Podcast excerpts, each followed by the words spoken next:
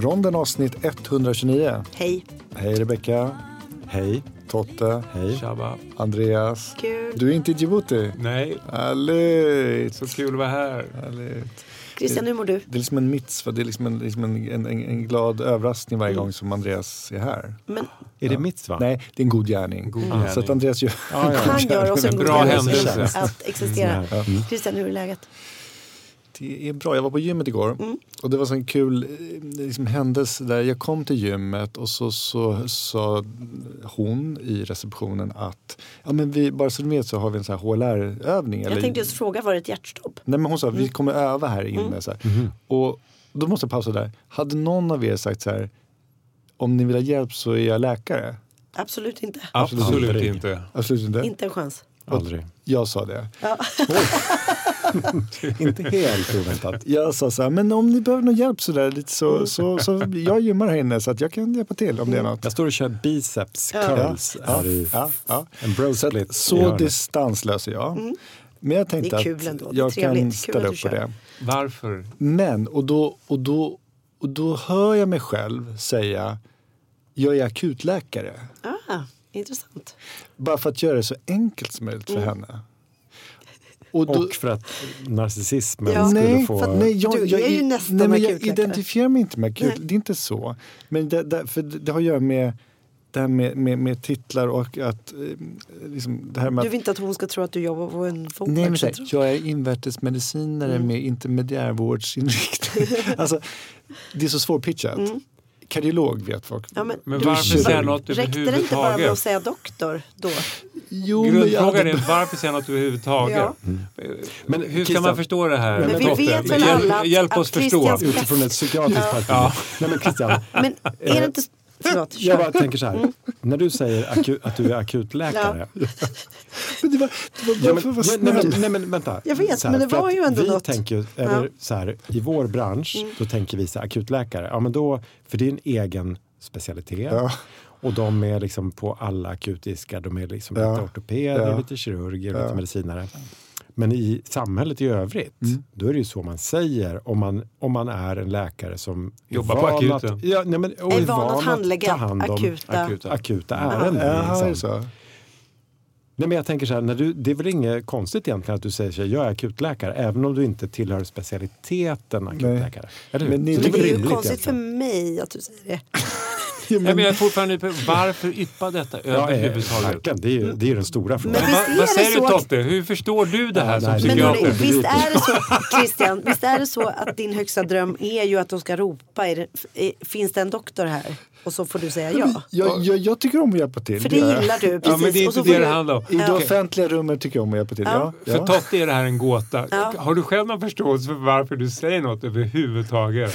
Och inte bara gå in och gymmar? Du kunde ju köra dina overhead press. För det är inte heller som att någon har frågat så här, bara så vi vet, är du doktor? Jag är du vet läkare? ju varför Totte inte skulle ha sagt så i, i För att jag är psykiatriker. Nej, därför att du inte vill att det snor tid från dina squats. Ja, nej, men jag tänker att det är- för att eh, Totte vill inte fired. Totte vill ju inte att de ska sen säga så här, ja ah, perfekt vi behöver en doktor och så ska du känna dig dum för att du lätt känner dig dum. När du går inte för att du inte kan saker utan för att du lätt känner dig dum. Christian, när du går ombord på ett plan Ja. säger Säger du så här, eh, for your information, I'm a doctor, if there's any emergency, please let me know. Så här, ärligt talat. Ja, ärligt talat. Ja, Bra det. Sagt till på det. förhand. åh Christian. Han behöver hjälp den Det här är grabben. så älskvärt men också Ja, riksgalet. men vänta, det var ett specifikt... En gång, en gång på Gotlandsfärjan har de ropat finns det en läkare och då hade jag jag hade inte ännu tagit examen. Jag tror att det gått ut termin 10. Så jag då hade det precis du var inte Nej, och då skrek mitt barn till mig och pekade. Eh, Mamma det är ju du. Eh, och då kände jag att, du vet, att jag ville att han skulle bli stolt över mig. Och då gick jag eh, och jag bara okej, f- fan också. Och då var jag tvungen, men det var ju på Gotlandsfärjan så det var ju typ sex stycken redan som har sagt att de var läkare. Så det var lugnt. Jag behövde inte göra någonting. Men, Det var ju men- skönt. Men, men- Christian, Ja, du bara sprang dit. och du som- är ju också, du var ju läkare. Men ni vet vad som. Jag hände på, på SJ-tåget på Ja. Mm. vägen från Göteborg i höstas? Då Då- ropar de ut. Finns det en läkare? medicinsk personal ombord? Och då var, Du då var det sprang till vagn två. Ja, Ja, det gjorde jag. ja. Och vad, var det, vad var det för något? då? Nej, det kan jag inte berätta om. Men, men jag, stod, jag kan säga att jag stod i runda släng med en och två timmar med, med en person som behövde faktiskt medicinsk hjälp. Och utan Räddade att du tåget hans gick inte förbi någon station där man kunde De lasta kunde av liksom inte personen. stanna eh, och de försökte kontakta ambulansen och olika sjukhus på vägen från Göteborg till Stockholm. Och det slutade med att vi till slut stannade i Västerås. Mm. Och då hade jag stått i ja, men över en och en halv timme med den här pers- personen. Det låter helt orimligt. Det finns ju något, Men eh, också otroligt något som hände för kul. några år sedan också på en Men flight då var, från jag, då var jag nöjd att de kallade ut i, i högtalarna till slut. Men det var en Mm. flight från New York till Stockholm för några år sedan där det var någon som fick en misstänkt infarkt och ropade ut finns det några. Det hade varit en eh, kardiologkongress där det var en massa Wow. svenskar. Så det var 26 Wow. kardiologer som Wow. ställde sig upp i, i, i, ute i, Det liksom, det i planet och bara ja. This is my moment. ja, exakt. exakt. De Okej, turas men om så du var på gymmet. Ja. Du, du ehm, flaggade hej vilt för att här minsann har ni en, en eh, akut intresserad läkare. vad, vad var deras Men reaktion? min- för det är nästan mer intressant. Så här, Nej, hur de- de? Kände de sig obekväma Nej, med hon, dig? hon såg väldigt glad och tacksam. Hon tackade. Men det roliga Tack men nej tack. Men det, Var det det ro, det roliga slutet på den här historien var att bakom mig så stod en väldigt muskulös man och så ropade han till mig när jag var på väg sen Mm. mot omklädningsrummet. Jag är också Är läkare. du på SÖS eller? jag bara nej, Danderyd. Jag har lite ont i axeln, kan du skicka en remiss åt mig? Okej. Jag tror vi stoppar här. Jag går min väg, följer ingens fotspår Jag går min väg, följer ingens fotspår Ni vet vem som är äldst va? Biden eller Trump? Biden. Är det jag? Men inte många år. Är det fyra? Nej, jag tror det är Jag tror tre det tror jag. Det är, Mer. Nej. Nej. Kan du googla det? Som, mm, Vänta, jag, jag gör det. Jag gör det nu. Biden är 80 och jag tror att eh, Trump är 76. 76. De är i alla fall båda två jävligt gamla. Ja, men det är fyra fem år. Mm. Men ser inte Trump ut att vara tio år yngre än Biden? Jo, men Biden det är, är inte, 80 det år. är inte av naturliga skäl. Men de ser gamla ut på olika sätt skulle jag säga. Men alltså Trump, han färgar håret, han kammar över sin flint, han har, eh, hans tänder är... Ja, Blekta. sjut- 76 och 80. Ja, eh, fyra år. Exakt. Ja, det var det jag sa. Men grejen är att biologisk versus kronologisk ålder. Mm. Alltså kronologisk ålder, det vill säga det är den åldern vi har i passet. Ehm, den, och den är oftast sann, eller den, den, den känner vi till. Uh, jämfört med den biologiska åldern, liksom, hur åldrade är våra celler? Hur åldrade är vi rent Mm. kroppsligt, mentalt och så. Och att det är ju så viktigt för oss i sjukvården. Och ett jättestort ämne, vi skulle kunna prata flera timmar. Men jag vill, Mm. vill bara kasta upp den för jag Mm. såg nu häromdagen att, att nu, eller ja men det har ni hört att det är en stor diskussion om Biden kan klara av en andra mandatperiod och så, så hade hans läkare clearat honom men förutom att han hade lite problem med rörelseapparaten, lite artros och sådär. Men att, Rörelseapparaten. lol. Alltså det, det man kan säga, alltså jag har ju...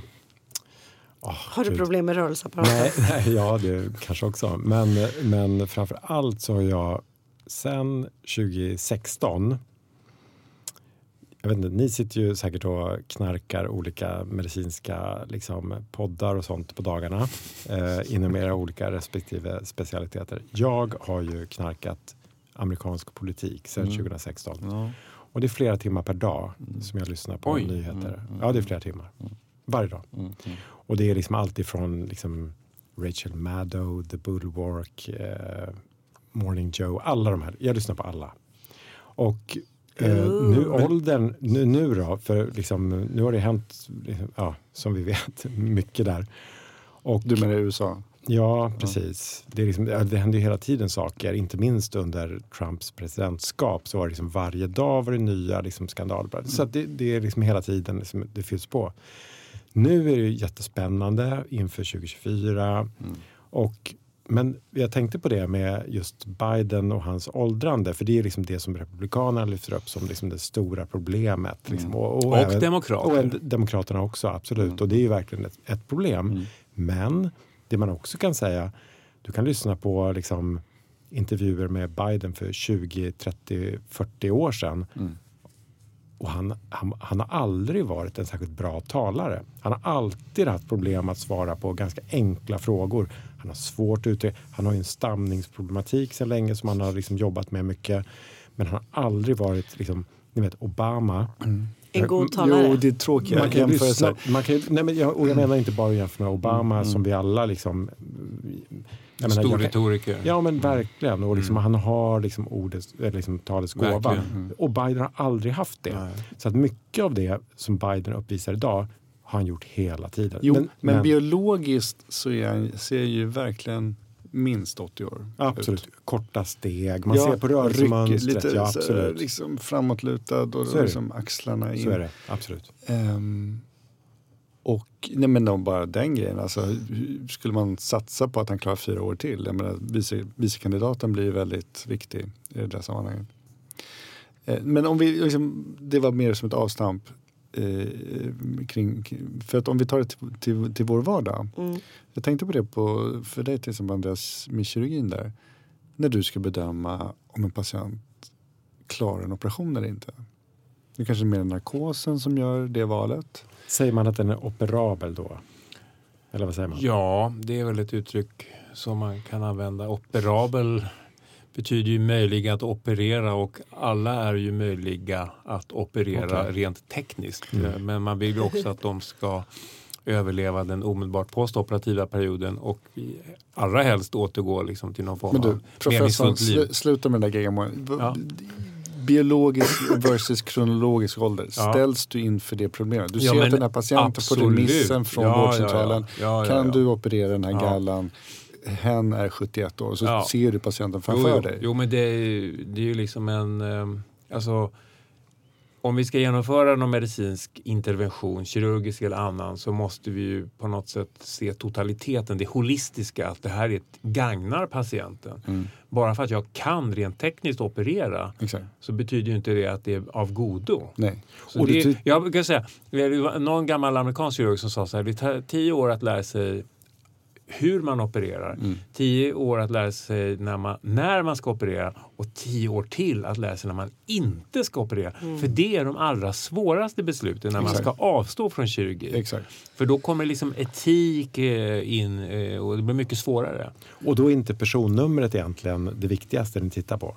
Nej, det är ju massa andra parametrar. Och jag, jag brukar ha tänkt många gånger på när jag varit nattjour och sådär. Och så personalen, man kan få, få en känsla av att man, personal kan tycka att man är en sån hjälte liksom, som vågar, man går på och opererar. Men man får inte alls samma feedback, samma liksom, hjältestatus om man tar beslutet. Nej, den här personen avstår jag från att operera därför att han eller hon är alldeles för svag, alldeles för gammal och, och riskerar att dö under operationen. Och det tänker inte jag utsätta honom eller henne för. Nej.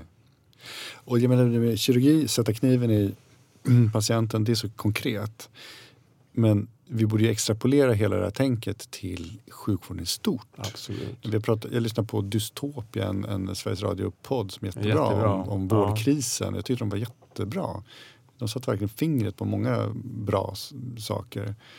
Um, bland annat tog de upp den konkreta grejen liksom att vi, vi gör väldigt mycket längre upp i åldrarna med många mediciner och många interventioner som du sa. Eh, var går alla de här gränserna? När ska vi liksom börja dra i bromsen? När hamnar du i sådana frågeställningar? Men hela tiden. Det, det här är liksom min...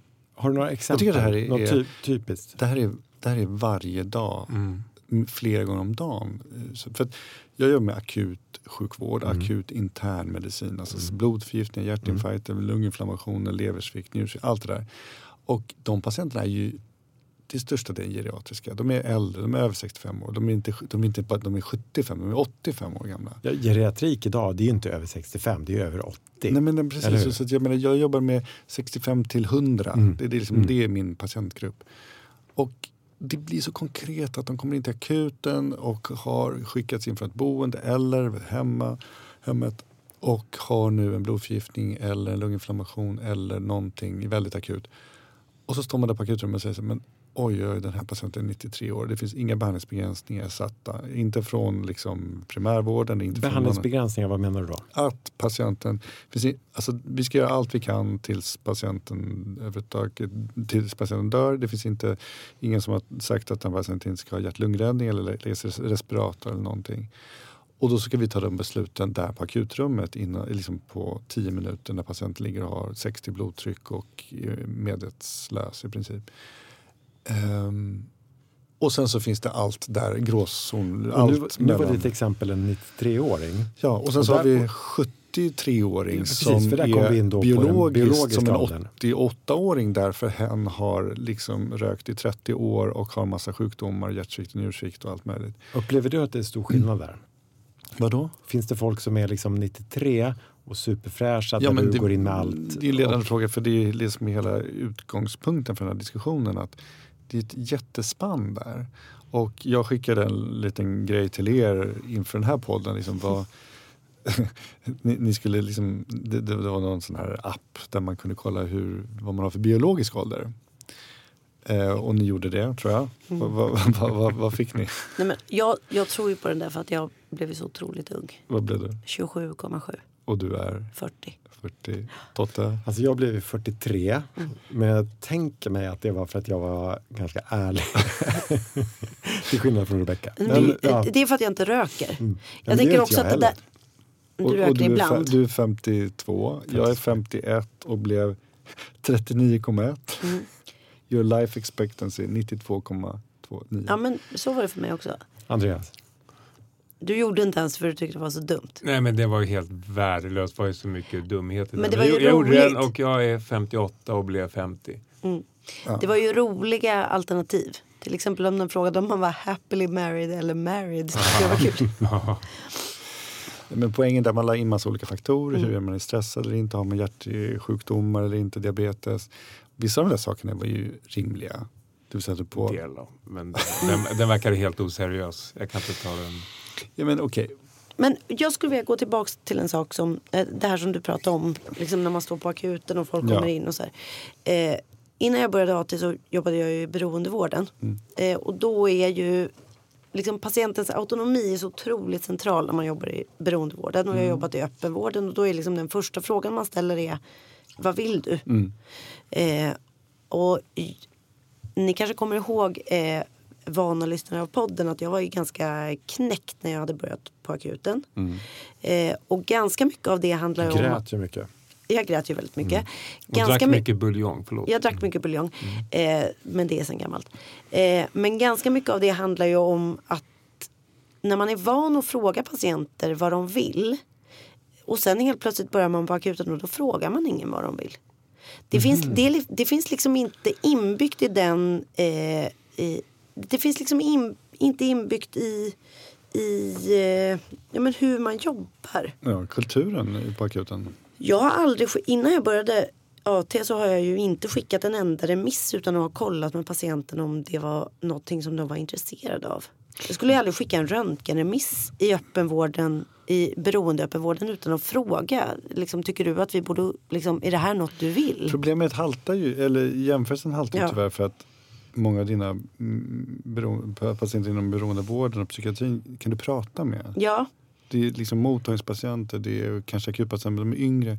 absolut. Ofta. Men, men jag har ju också träffat jättedementa patienter på akuten där jag har frågat är det okej om jag undersöker dig och de säger nej. Jo, Och också är det okej om jag ger dig medicin och de säger nej.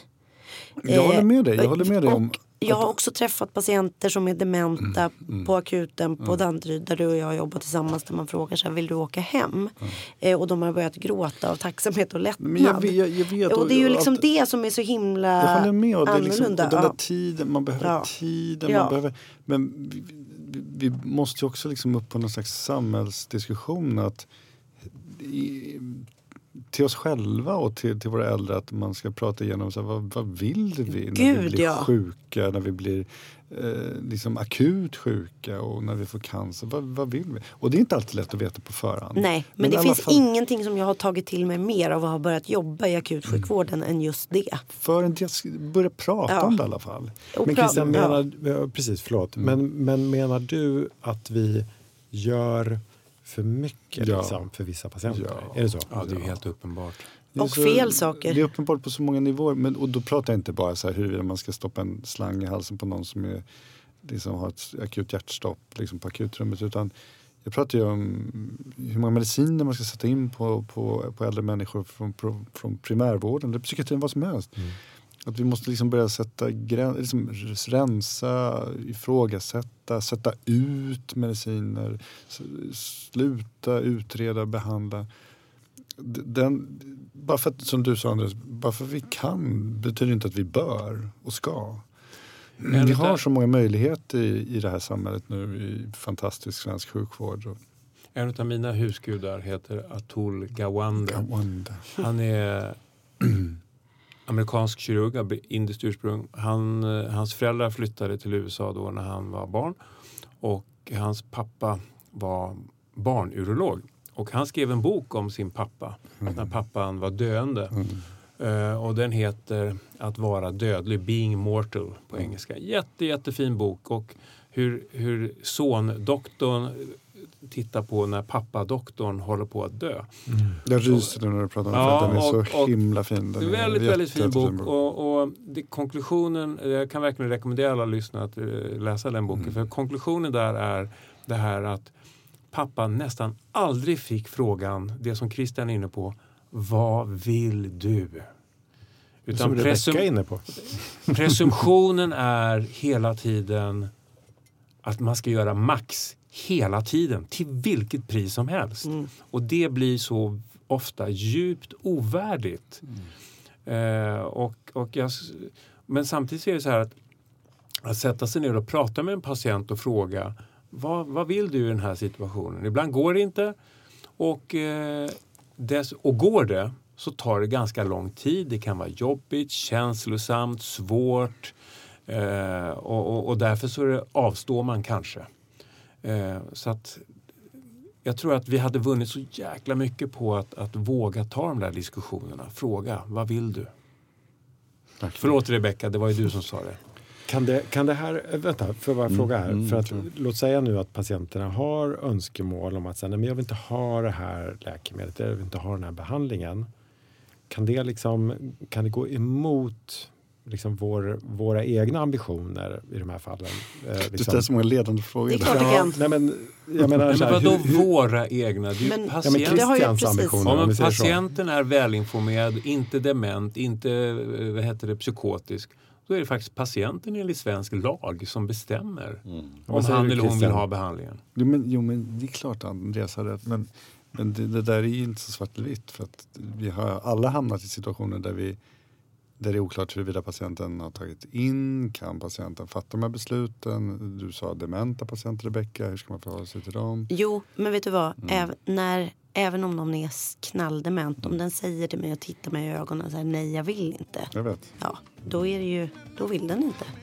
Demens är dessutom en dödlig sjukdom, fick jag höra av en geriatriker.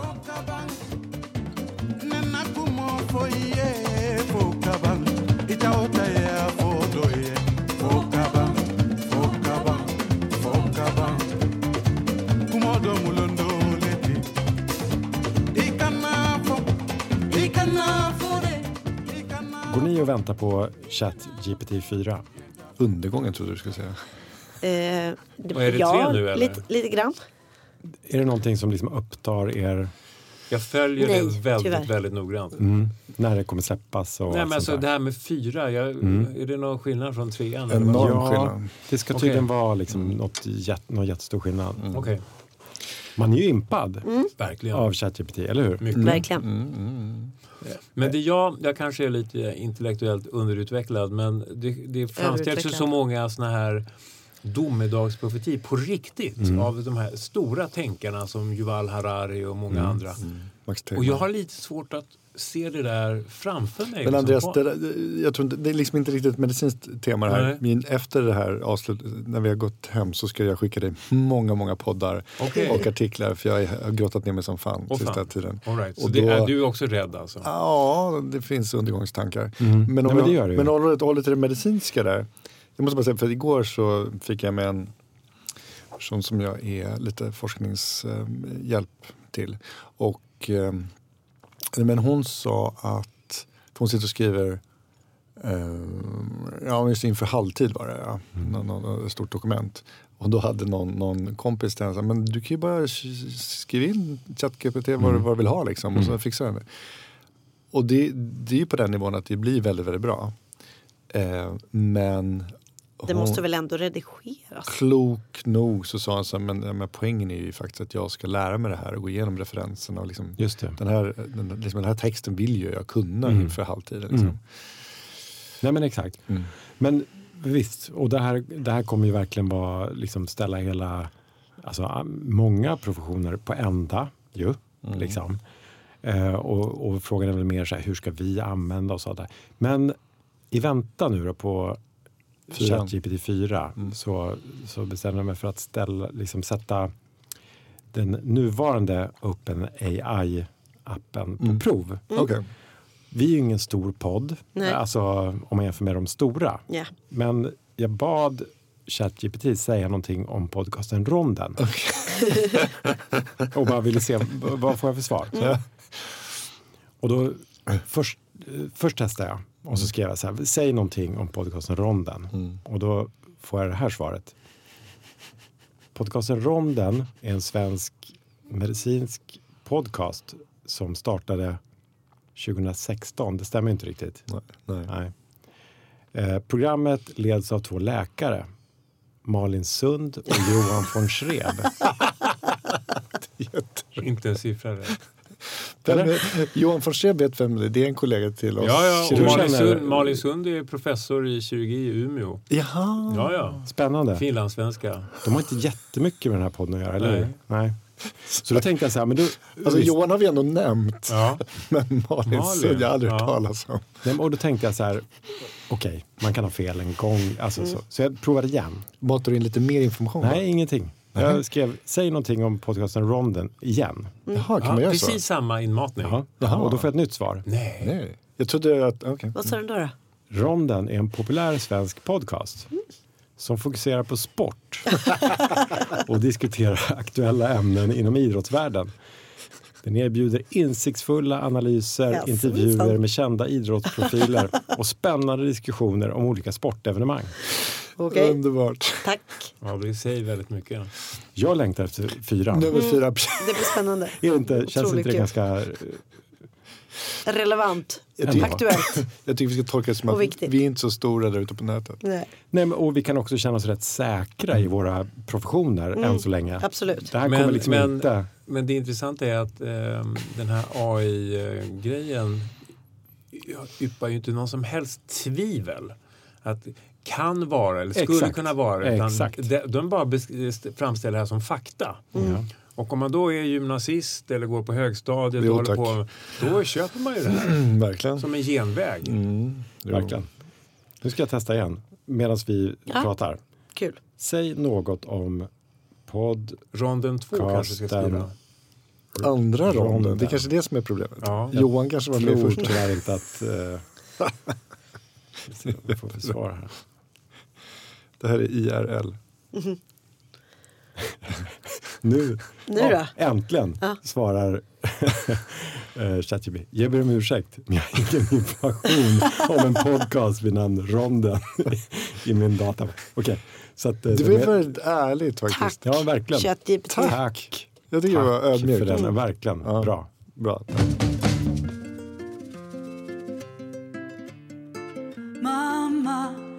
lita på mig.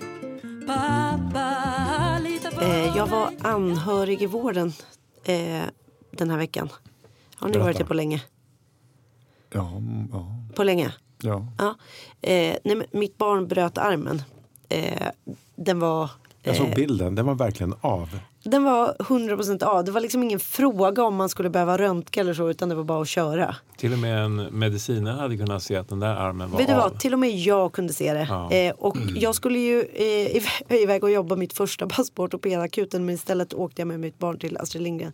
Jag vill bara Fick du tillgodoräkna dig det passet? För det Man blev ju tycker det. ortoped. Vet du vad jag också tycker att jag borde få tillgodoräkna mig? När mitt barn hade brutit benet förra gången för tre år sedan och jag var tvungen att klippa upp hans gips i badet. Varför har inte jag egentligen redan lägg? Det är ju Det är ju två, sjukt. två dagspass. Eh, men Den jag var vill säga en sak. otroligt sned. Den var väldigt sned. Eh, det var kul att Christian trodde att jag bara skulle jobba. Att det var typ en fin bild som jag skickade i, i chatten. Men det var ju eh, mitt barns trasiga arm. Jag är ledsen. Men jag, och det, Det kan man inte veta Och efterhand Christian. var det väldigt dumt av mig att skriva fin bild bara. För jag trodde faktiskt att du bara stod där och jobbade på ortopedakuten Ja. och tog en bild. Tänkte Det hade också varit Det konstigt. hade ju varit väldigt konstigt. Så var det inte. Utan det var jag som tog en bild egentligen till mitt barn för att han skulle komma ihåg Jag sen förstår. efteråt vad som hade hänt.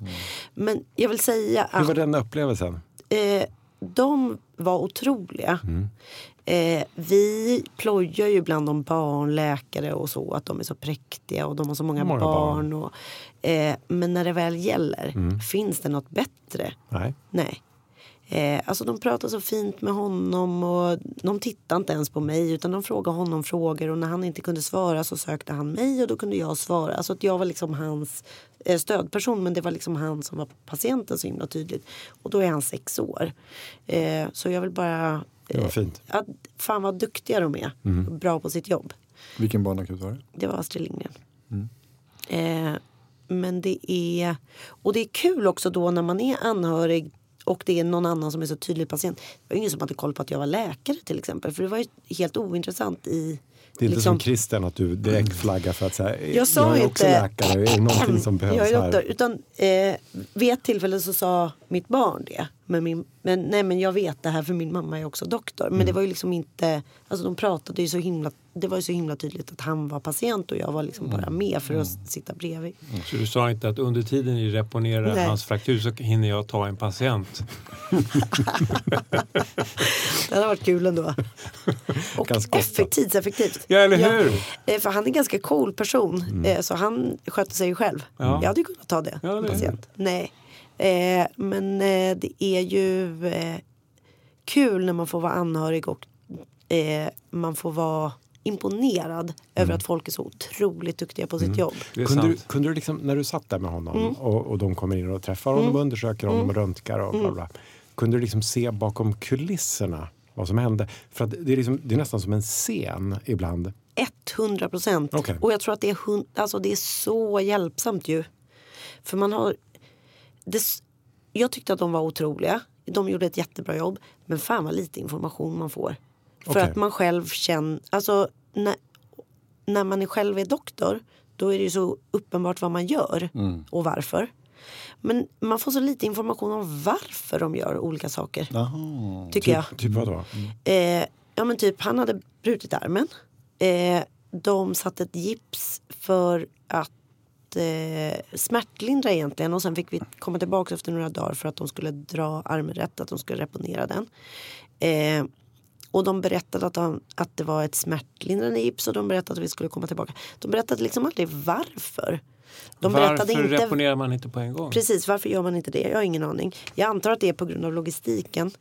Logistiken, det handlar inte om medicin utan Alltså när vi kom tillbaka så var det ju dag, för när vi var där på akuten var det liksom ganska sent på kvällen. När vi kom tillbaka var det dagtid, det var på någon slags smärtteam fick vi träffa. Det var fem personer i rummet när de reponerade. Eh, för att de... Eh, eh, hur många dagar efter? det var två dagar efter. De fick, ja, men det var i, liksom, han, fick, han fick lokalbedövning och han fick ganska mycket sånt snabbverkande morfin och han fick lustgas. Eh, så slapp de söva. Det var ju jätteskönt för honom. Eh, och då var det ju liksom, det var dagtid, han var väl förberedd, vi hade ämlat innan så de kunde sätta nål i lugn och ro. Eh, han var förberedd på att han skulle få lustgas, Alltså, det funkade ju jättebra. Eh, men det var ingen som sa att det var därför. Det kanske var därför, jag antar att det var därför, men jag, jag vet liksom inte. Det är ingenting liksom rent medicinskt att det ska svälla av först innan Jag man gör har det. absolut ingen aning, jag vet inte. Men det, Det här var ju mitt, mitt första pass på ortopeden. så, jag har inte, så jag har inte lärt mig det ännu. Men äh, jag, jag bara tänker på det där för att det är liksom, vi tänker ju inte på det men så här, för patienten som kommer och det är ju oavsett om det är på akuten eller på liksom en vårdcentral eller på en öppenvårdsmottagning. De kanske har laddat länge Ja. för det här besöket. Liksom. De kommer dit, eh, i det här fallet lite akut, därför att det är en arm som är supersned. Mm. Den var det får verkligen man sned. säga. Ja, Ja. verkligen. 100 procent. Så de är liksom inte... Ja, det är liksom, för dem blir det som att så här, de en- den enda kontakten de har då, det är liksom läkaren som kommer, eller sjuksköterskan som lägger om olika saker. Och Mm. Sådär. Du har ju koll då Ja. på hur läkarna som Mm. undersöker din son också kommunicerar med sjuksköterskor Ja. och andra. Liksom. Ehm, konstig grej. Verkligen. När du Jo. ser liksom både det Han frågar mig, han bara varför tar det så lång tid? Jag bara jo men du vet det kommer folk som är sjukare eller eh, det, det är folk som har väntat längre. Och, eh, alltså, det är ju lätt att prata med sitt barn när man fattar varför. Men jag tänkte, ni garvade så mycket och, Mm. n- n- n- liksom att det här att jag skulle sagt att jag var läkare. Mm. Men är det helt självklart negativt att, jag bara kastar ur med den frågan, Mm. är det helt klart negativt att nämna att man är läkare?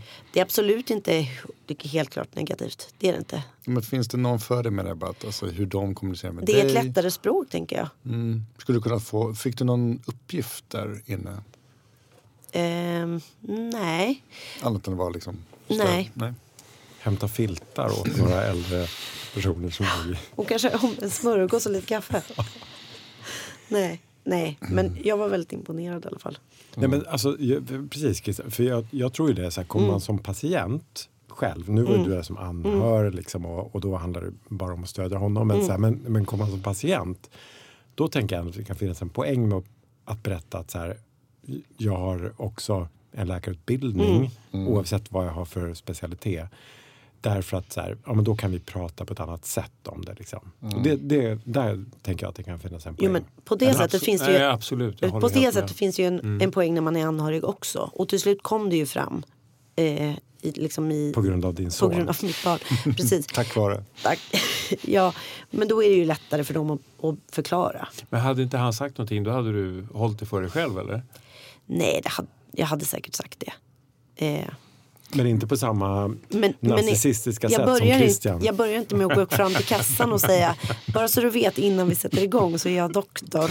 Men det är liksom lite, Akutläkare. men det är lite olika typer av patienter. För där, där och då kanske inte spelar jättestor roll. Du är ju mest liksom mamma och, och anhörig.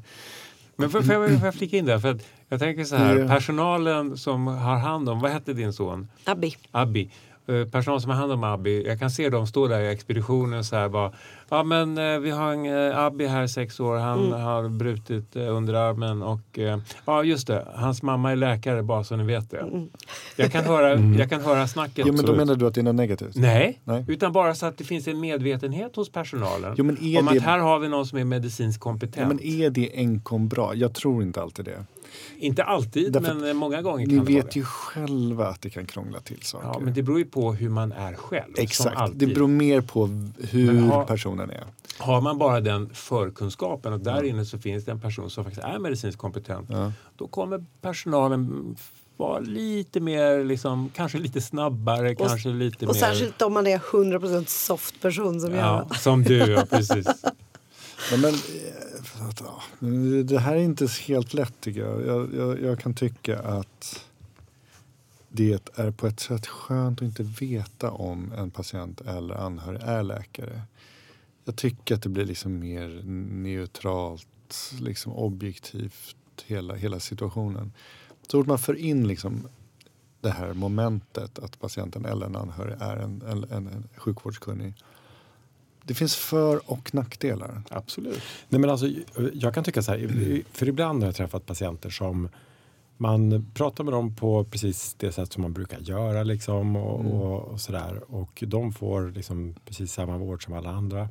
Och sen så i efterhand så får man reda på att patienten eller en anhörig som var med var läkare. Ja, Och då kan jag nästan, jag jag ska inte säga att jag känner mig lurad. jo, jag förstår. Men... Men, men jag känner att så här, men vänta, kunde inte personen ha sagt det så att vi hade kunnat liksom prata på ett annat sätt? Ja.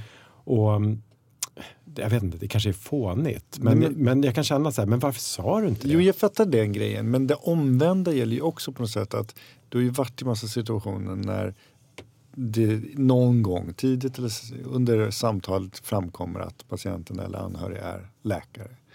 Att du står där och liksom börjar välja dina ord lite mer. Att man krånglar till det. Man liksom, å ena sidan ska vara mera kunna använda lingo. Liksom. å andra sidan liksom göra för mycket för att eh, liksom, det, här är en, det här är en kollega och då ska man liksom göra lite för mycket på något sätt. Jag, jag, jag, jag, jag, jag kan själv tycka att, att, att jag, tror, jag, jag lutar nog åt att jag tycker att det krånglar till saker Men mer. okej, du har ju berättat för oss här i podden att du har ju uppsökt eh, ett antal vårdinrättningar. har, har du alltid varit anonym då? Det är bara när du går till gymmet som du berättar att du är läkare? Nej, Alltså. Förutom när du gick på den där äh, MR när du I hade don't arbetskläder think på dig. so. Ögonakuten. Eh, nej. Hej, Varför jag vet heter, jag jag heter? Christian. nej, men vet du vad? Det, och det, det, då kan jag ta ögongrejen där. Det är ju krångligt därför att Du, har du jag, kan ju ingenting om Nej, ögon, precis. eller hur? Nej, Nej. men där var vi inne på systemsjukdomar och grejer som jag då kanske kunde Aha. ganska bra. Nej, men så här, jag, jag, jag snappar upp en grej som du sa Andreas, som jag håller med om. Att det har ju mer att göra kanske med hur man är. Och liksom, det kanske i slutändan är bäst att outa det så att man kan förhålla sig till det. Men att man är ganska tydlig med men jag är verkligen nu patient eller anhörig. Precis. Liksom. Man Precis. backar. Och det är inte bara i ord utan man gör det verkligen i praktiken. Liksom. Jag Precis. tänker att det där är ju också så otroligt mycket lättare när man är en så tydligt juniorkollega som jag är. Jo. Alltså det är ju så, det är ju så enkelt för mig och att eh, liksom lita på någon annans expertis eftersom jag inte har någon egen expertis. Jo, men jag kan också säga att jag är psykiatriker. Ja. det är samma sak. Ja. Eller, jo, men det, det är samma Andreas. Du kan Ja. säga, om du kommer till liksom, eh, endokrin och så säger jag så här, men jag är kirurg så Ja. jag fattar ingenting av det här, eller hur? Nej, nej, Nej, nej. det, det, det stämmer inte Toto, för i förra avsnittet hörde vi att Andreas kan det med insulin. Jag Ja. med barn också. det- Han, han Men ändå. Men barnendokrinologi, det är väl inte så svårt. Nej men det är intressant det här därför att eh, det, om, man, om, man, om patienten berättar för läkaren att eh, patienten själv är läkare. Mm. Det skapar en spänning, en osäkerhet hos bägge parterna. Eh, Behandlande läkare vet inte hur han eller hon ska formulera sig, bete sig. Alltså, jag kan gå till mig själv, det skapar en osäkerhet. Liksom. Och, och patienten som är läkare kan också känna den här osäkerheten. Är jag patient nu? Eller när han säger så här till mig, pratar han till mig som, som kollega eller som patient? Liksom. Så att det, ja, Alltså, men jag tycker precis, Nej, men jag det fattar vad du menar. Men alltså, jag, för jag har ju också en massa liksom, patienter som är läkare. Mm. Och de är, eh, jag tycker att det är eh, jättebra att veta att de är läkare. Därför att då kan vi prata på ett annat sätt. Liksom. Det handlar absolut inte om att de får snabbare vård eller bättre vård. Eller här. Men vi kan prata om det på ett helt annat sätt. Liksom. Och, och sen råkar de dessutom vara sköna typer som inte liksom eh, försöker liksom sätta mig på plats. Eller, utan vi kan, vi kan ha ett resonemang. Jag älskar ju för övrigt alla patienter som är liksom de läser på själva, de kan läkemedel, de kan diagnoser. Det är ju, liksom, all utbildning är ju, tycker jag, liksom bra. Men Liksom. Kan du inte ge ett exempel på hur ett samtal kan vara lite annorlunda om du har en kollega eller om du har en vanlig eh, patient med precis samma tillstånd? Alltså om man säger så här, min bransch skiljer sig lite då från till exempel endokrin eller kirurgi. Liksom, I det att så här, när vi provar olika läkemedel så är det så här, vi vet inte innan vilket läkemedel som kommer funka. På gruppnivå finns det saker som talar för det ena eller andra läkemedlet. Men i slutändan så det enda sättet att få reda på om någonting funkar eller inte, det är att prova. Och det gäller oavsett om det är liksom antidepressiva eller liksom ångestbehandlingar eller vad det nu är. Liksom. Och det resonemanget är enklare att föra med en person som kanske har läst in sig på sin diagnos och de, de liksom behandlingar som står till buds. Och är det då en läkare, ja då har de, de har gjort AT, återigen AT, liksom storheten i AT. De har varit inom psykiatrin, de har jobbat där, de har provat det och så vidare. Eh, Men detsamma gäller ju för patienter som har läst in sig lite kring sin egen problematik. De vet att inom så här bipolärvården då brukar man prova det eller det. Det här skyddar mot uppvarvning, det här skyddar mot eh, depressioner eller, och så vidare. Stämningsstabiliserande läkemedel. Och, så att, men, men visst, har man en person framför sig som har gjort AT och som kanske har vickat inom psykiatrin, då kan man ha ett, en annan typ av diskussion om precis de, de vanliga läkemedlen. Men sen är målet är ju alltid att, att, att alla patienter ska förstå min rational för att nu provar vi det här läkemedlet eller det här läkemedlet. Fan vad vi hyllar AT. Ja, Vi måste ta ett separat avsnitt eh, när AT snart är begravt. Då blir det dissa BT. Ja men verkligen, det är en djup.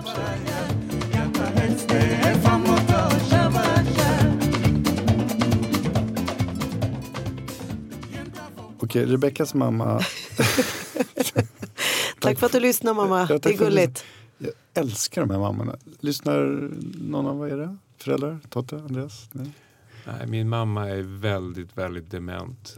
Att hon, hon, hon kanske även, och även om hon hade lyssnat så hade inte så himla mycket gått in. Men Hon kanske blir glad av att höra din röst. Det kan hända. Mm.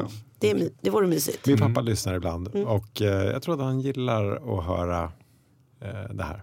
Jag tror det. Kul. Hörrni, tack, Tack. till alla föräldrar, tack till alla andra som lyssnar där ute. Puss och kram. Ja. Puss.